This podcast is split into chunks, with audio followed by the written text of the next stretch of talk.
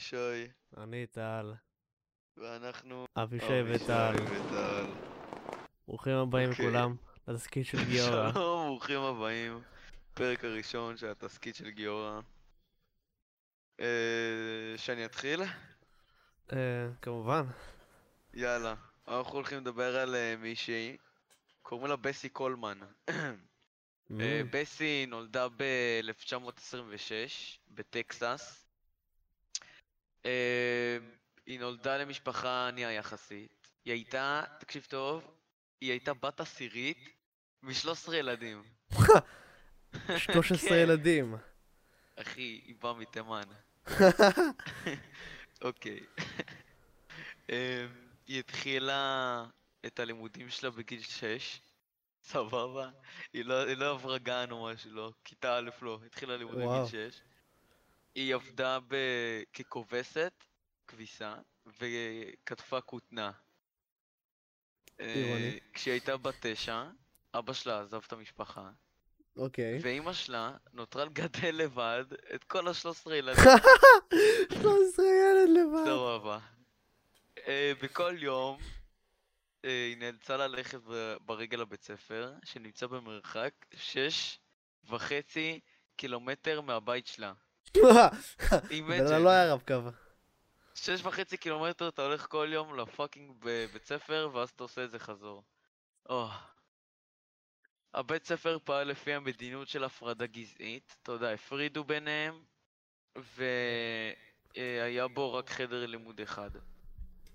אה, אני מזכיר, אני לא חושב שאמרתי את זה, היא הייתה אפרו-אמריקאית. היא הייתה שחורה. בלק. לא יאומן. יאללה שחורה. קולמן אה, למדה לקרוא והצטיינה בלימודים במתמטיקה והיא סיפרה שבבית ספר דאגו, אה, שדאגו המורים להכיר דמויות אפרו-אמריקאיות חשובות. זאת אומרת, בבית ספר מורים ממש ממש דאגו להכיר להם דמויות חשובות. כאילו, אתה יודע, דמויות ממש חשובות שהן. שחורות. אתה יודע, קניה ווסט, קניה ווסט. ביגי סמולס. אה, וכל היתר, קניה ווסט. אוקיי, אה, אחרי שאתה יודע, היא למדה מתמטיקה, היא הצטיינה במתמטיקה, ו-13 ילדים הם לאמא אחת, שחורה, עבדה ככובסת וכתבה כותנה, בסדר. אה, בגיל 23, היא קולמן עברה לשיקגו. אה, היא התגוררה שם עם האחים שלה הגדולים, עם וולטר וג'ון. היא עבדה כמניקוריסטית במספרה, ושמע, ותוך כדי שהיא עבדה שם, היא עבדה שם הרבה זמן, בתור מניקוריסטית, והיא עבדה במספרה ושיט כזה, אז היא, אה, היא שמעה על מלא סיפורים על טייסים שחזרו ממלחמת העולם הראשונה. היא שמעה ממש הרבה סיפורים. לא, באיזה שנה זה? מה? באיזה שנה זה קורה כרגע? אה, כשהיא הייתה בת 23, אז אה, אני מניח שבשנות ה... שנות ה-40, סוף Mm. ה... סוף ה-40, כן. אוקיי. אה, היא החליטה באותו רגע, אחרי שהיא שמעה כל כך הרבה סיפורים, היא החליטה שהיא רוצה להיות טייסת. אה, במיוחד כשהיא שמ- ששמעה שבצרפת יש כבר נשים טייסות. אה, היא התחילה, היא התחילה לעבוד אה, בעבודה נוספת, בתור מלצרית, וחסכה כסף כדי להגשים את המטרה שלה. רצתה ככה להיות טייסת. בסדר, לא יודע? מי נותן לנשים לטוס, אבל... אה, כן, זה. נניח, נניח. קולמן סבלה מיחס גזעני וסקסיסטי כשהיא הייתה בבתי ספר אה, לטיסה. בארצות הברית סירבו לקבל אה, אותה... קיבלו, סירבו לקבל אותה לא רק בגלל שהיא אישה, אלא גם כי היא שחורה. על כאילו, שתי. סעיפים. אלא מה? אלא מה? כן, למה שתקבל אותה? גם שחורה וגם אישה. מה אתה צריך את זה? מינוס שתיים. סבבה.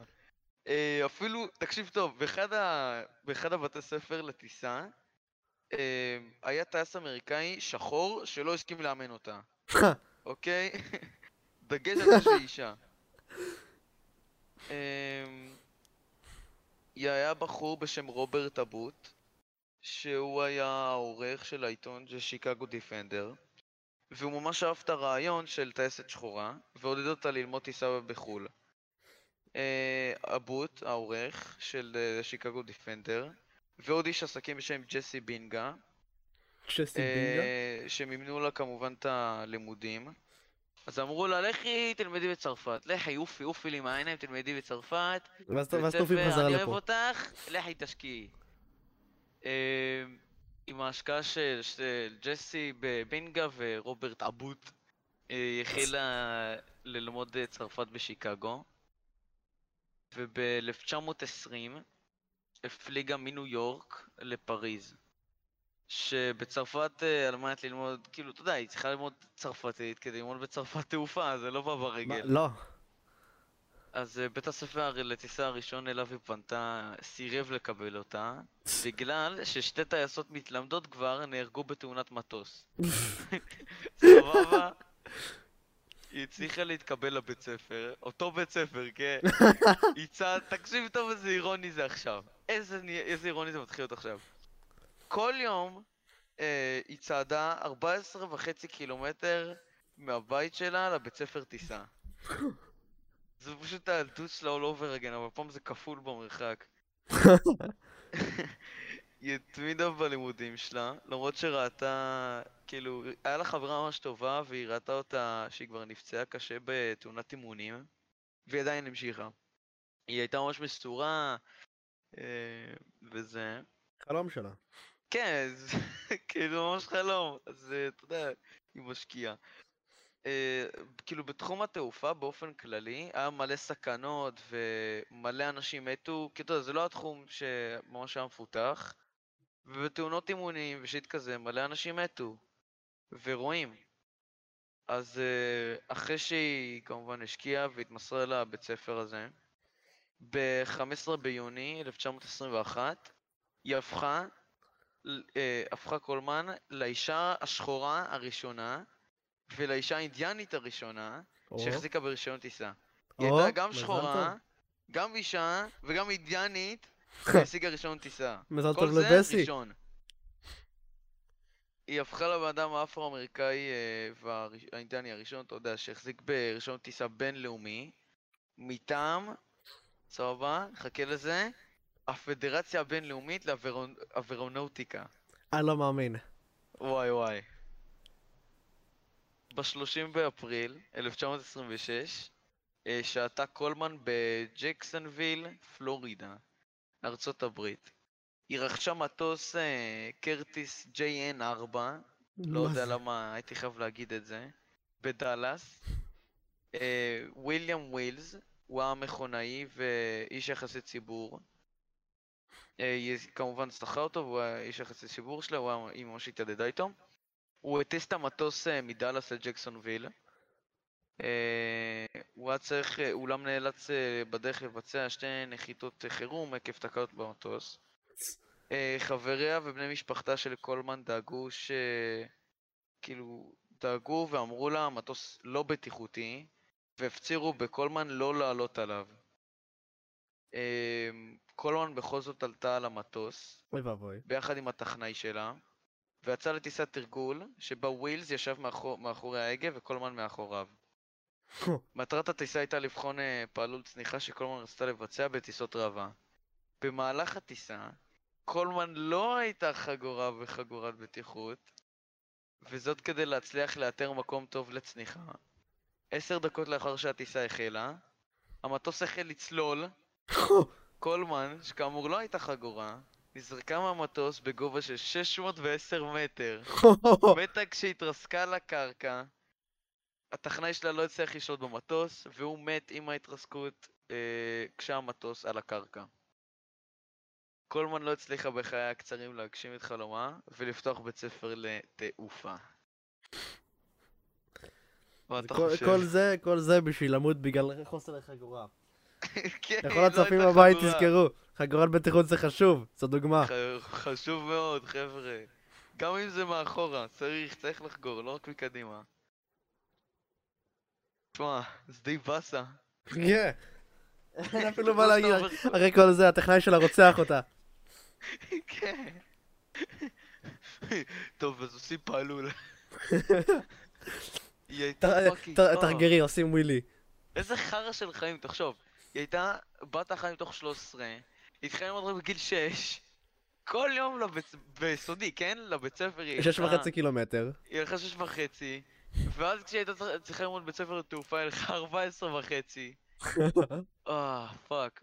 היא עשתה הכל כדי ללמוד טיסה, היא למדה טיסה, אבל אה, מתה בטיסה. די אירוני ועצוב. חלמה לעלות לשמיים והשמיים רצחו אותה. איי איי איי. איזה באסה זה. ממש. תשמע, היא עשתה, היא הייתה ממש מפורסמת בזמנו. אה, יש לדעתי אתר, אה, אתר על שמה, והיא כאילו אתר באינטרנט ממש, או... היא ממש הפכה לאישיות גדולה. כאילו אתר באינטרנט או...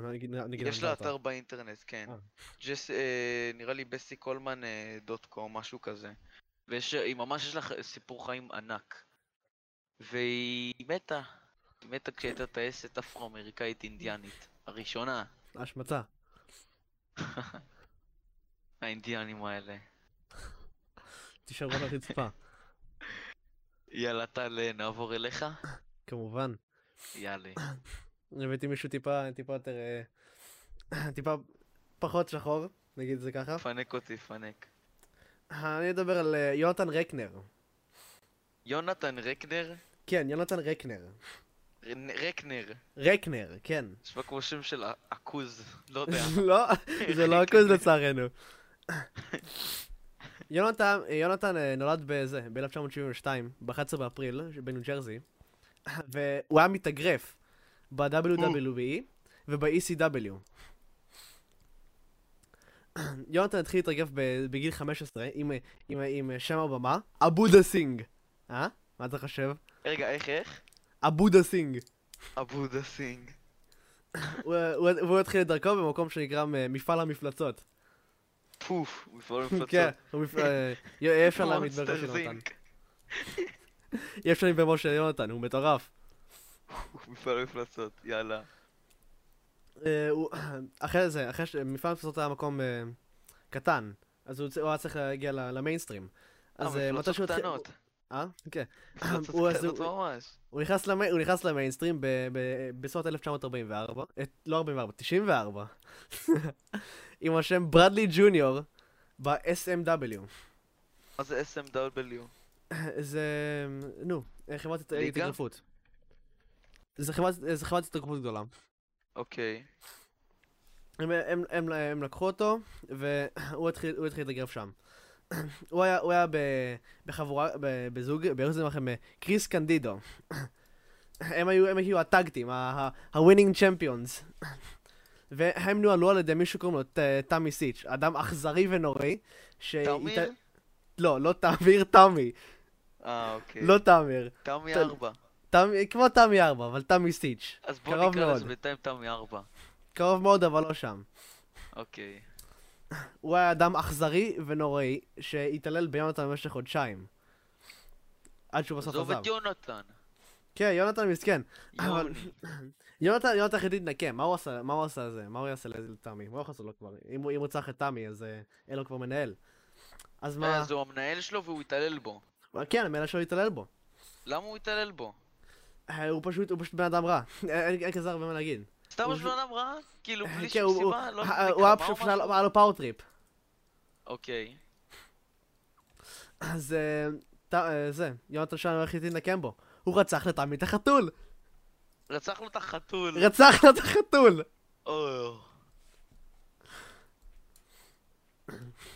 זה, זה נתן לו את הבום, העיקרי שלו שבזה, ב... בפרסום. אחרי, זה- הוא, התח- הוא התחיל אה, ר- ריב, טלוויזיוני עם, אה, עם הרוצח קייל של הגנגסטרים. אה? הרוצח קייל מהגנגסטרים. אה, הוא לקח אליפות. הוא לקח אליפות? כן, יונתן לקח אליפות. פשי! כן, יפה לרוצח חתולים, יפה. ועוד איך. הוא היה, הוא היה חלק מזוג שנ- שנקראו מניפי הכיסאות הקשוחים. מניפי הכיסאות... מה? מניפי הכיסאות הקשוחים, כן. הכיסאות. הכיסאות, כן, צ'ר, כן. כיסא. צ'ר, יאנו צ'ר. מניפי הכיסאות השטוחים. נשמע כמו שם של אה, ערסים ב- בפארק- מים. מניפי הכיסאות השטוחים. ו... למע- למעריצים שלו, אה, היה דרך אה, להוד אותו. כל פעם שהוא היה פוגע במישהו, הם היו צועקים בולס! אשכים. וכל פעם שהוא היה נפגע, הם היו צועקים! בוזנץ. זה דרך להריע לו, זה במקום בוז וכן, יש להם בולס ונאטס. אה, זה מעולה. איך היריב, שלו בזירה מגיב לזה? בולס, בולס, נאטס. אבל אה, בזה, לצערנו ב-2001, ה-ECW היה צריך להיסגר בגלל שכבר אין זה, אין כבר מימון. אה, אז אה, יו- יונתן נכנס לתקופה של... תקופה, תקופה די ארוכה, שבה זה הוא היה צריך ללכת למקומות עצמאיים, ולא באמת- לא באמת זה עשה כסף. הפרסום שלו התחיל לרדת, והוא נהיה, הוא, הוא איבד, הוא איבד, הוא איבד את את השוונג. אין מי שיצעק לו עכשיו בולס ונאט. כן, לא, בטוח היה לו, אבל עכשיו, עכשיו כבר אין הרבה. איי איי איי. אבל, אבל, ב-2006, הוא חזר ל-ECW, כשזה, אה, קמו בחזרה עם מימון של ה-WWE, ש... fuck. ש... שעד, שעד עכשיו זה, הם, אה, הם ה... אה, זה, חברת ההתגרפות הגדולה ביותר שיש. וואו. nice. אבל יונתן לא, לא, לא באמת קיבל חזרה גדולה. הוא, בד... הוא בדרך כלל קיבל, בדרך כלל כשהוא הופיע, הוא היה עם אנשים, ולא לא כאילו קיבל solo fights, נגיד. אה, הוא היה- רוב הזמן ב-Monday Night Raw, שזה היה כאילו, זה היה קורה כל יום שני בטלוויזיה, שהיה מלא מלא קרבות, וזה היה כאילו ההיילייטים. אז זה היה חלק מקבוצה גדולה, שכולם כולם היו ביחד נגד ג'ון סינה. בואנה, הוא ממש היה ב prime time, אה? כן, ממש. כאילו, וואו, הבן אדם זה ענק. הוא ענק, אבל באותו הזמן אה, לא לא מי יודע מה.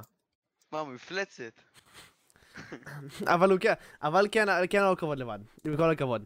היה לו קרב אה, נגד מסרטו טנקה, שהיה זה, שהיה מתאגרף יפני בארצות הברית, ויונתן שלנו אה, שבר עליו כיסא. ברור. כאילו, הוא חייב- לחיות אה, זה, לשם מניפי הכיסאות הקשוחים. הוא הניף עליו כיסא. שהתחיל מצידו. למרות שהוא, חזר, כן, רוב הקרבות שהוא קיבל, הוא היה חייב להפס... הוא הפסיד. אבל למרות, למרות, למרות שזה שהוא הפסיד, למרות שהוא הפסיד, הוא, הוא קיבל הערצה ממתאגרפת, שקראו לה קלי קלי, והוא נכנס למערכת יחסים טלוויזיונית, ש, שלא לא מערכת יחסים אמיתית, אה, לזמן מה. אחרי זה, ב... ב-29 לפברואר, ת- תאריך מאוד חשוב, יונתן נכנס ל- לזירה, הפעם האחרונה שלו. מה? יונתן זה, יונתן לא. נכנס לזה, ל... יוני. יוני, כן, יוני נכנס לזירה גדולה. הפעם האחרונה שלו, שקיבל קרב שהוא בטוח לא ינצח. והוא הוא נרצח ב... ב... בדרך כלל להגיד את זה, כשהקברן, זה, זה מר קולווי למי שמכיר, קוראים עשה ליונתן לדמות צ'וקסלם. שמולו הקברן. כן, בן אדם שהיה מולו קראו לו הקברן. וואו. הוא עשה ליונתן צ'וקסלם. פו. אז עכשיו זה, מ-2008 עד 2016, הוא, הוא היה צריך אה, לרד מה, מהביג ליגס למקומות עצמאיים וקט, וקטנים. והקרב האחרון, הקרב האחרון שלו בחייו, ייקח מקום בשישי בדצמבר 2015, במקום, באירוע, שנקרא חג מולד חסין מוות. תזכור, תזכור זה טוב מאוד, חג מולד חסין. מוות. חסין מוות. אוקיי. למה, למה, למה זה אירוני? כי זה האחרון שלו. כי ב-12 באפריל 2016, יום לאחר, אה, יום אחד לאחר המולד שלו, יונתן אה, צפה בטלוויזיה וניסה למצוא תנוחה שיותר נוחה לו על הספה, וקיבל התקף לב. התקף לב? התקף לב. אבל איך זה עובד? הוא לא אמור להיות אין לי מושג. בכושר? אה, הוא כבר כאילו ירד מכושר, אבל זה בגלל שזה, זה בגלל שבסרט ההתאגרפות יש כאילו הרבה מאוד בעיות. נגיד, נכון, הרבה יש זה, יש... פציעות. אה, אה, הרבה הרבה מאוד הרבה מאוד לוקחים סטרואידים על בסיס רגיל, וחלק כן. מהמכות ש- חלק מהמכות שמקבלים הן מכות אמיתיות. כן, נגיד מוחמד עלי. אחי, מוחמד עלי חצי משותק. זה מטורף. כאילו, נגיד, נגיד דוגמה, היה לו קרבות שם שתי, אשכרה מעיפים לו שיניים, הוא היה יוצא משם אה, עם מלא דם. פי. כן, דברים כאלה ידועים, אשכרה. אבל להתקף לב לא ציפיתי. גם אני לא. וזה זה לא כאילו עשה משהו טוב, הוא בסך הכל ניס- ניסה לש- לשנות תנוחה. תחשוב, תחשוב, תחשוב להסתובב. במיטה ולמות. ציפיתי ל- למוות כמו רוקי בלבוע, אתה יודע, משהו, משהו טוב כזה בזירה, שיש, אתה יודע, כל ה... איזה אינטנס כזה. לא? באמת בהתקף לב על הספה. אבל אה, יונתן, יונתן גם בחיים הפרטיים שלו היה משהו מטורף. הוא היה חבר בכנס- בכנסת השטן. כמובן, הוא חייב להיות. בכנסת השטן, כן. אשכרה. והיה לו קעקוע של פנטגרם. הוא אג'י ועמוק. מן הסתם. ו- ובמה- במה- במהלך- במהלך אה, זה, זמנו כמתאגרף, היה לו תשעה שמות. וביניהם, אה, ג'ון רקנר וחנטה קלוס, חנטה קרוס. שהגיע מזה, מהבית של סנטה כמובן, החבר הכי טוב של סנטה, חנטה.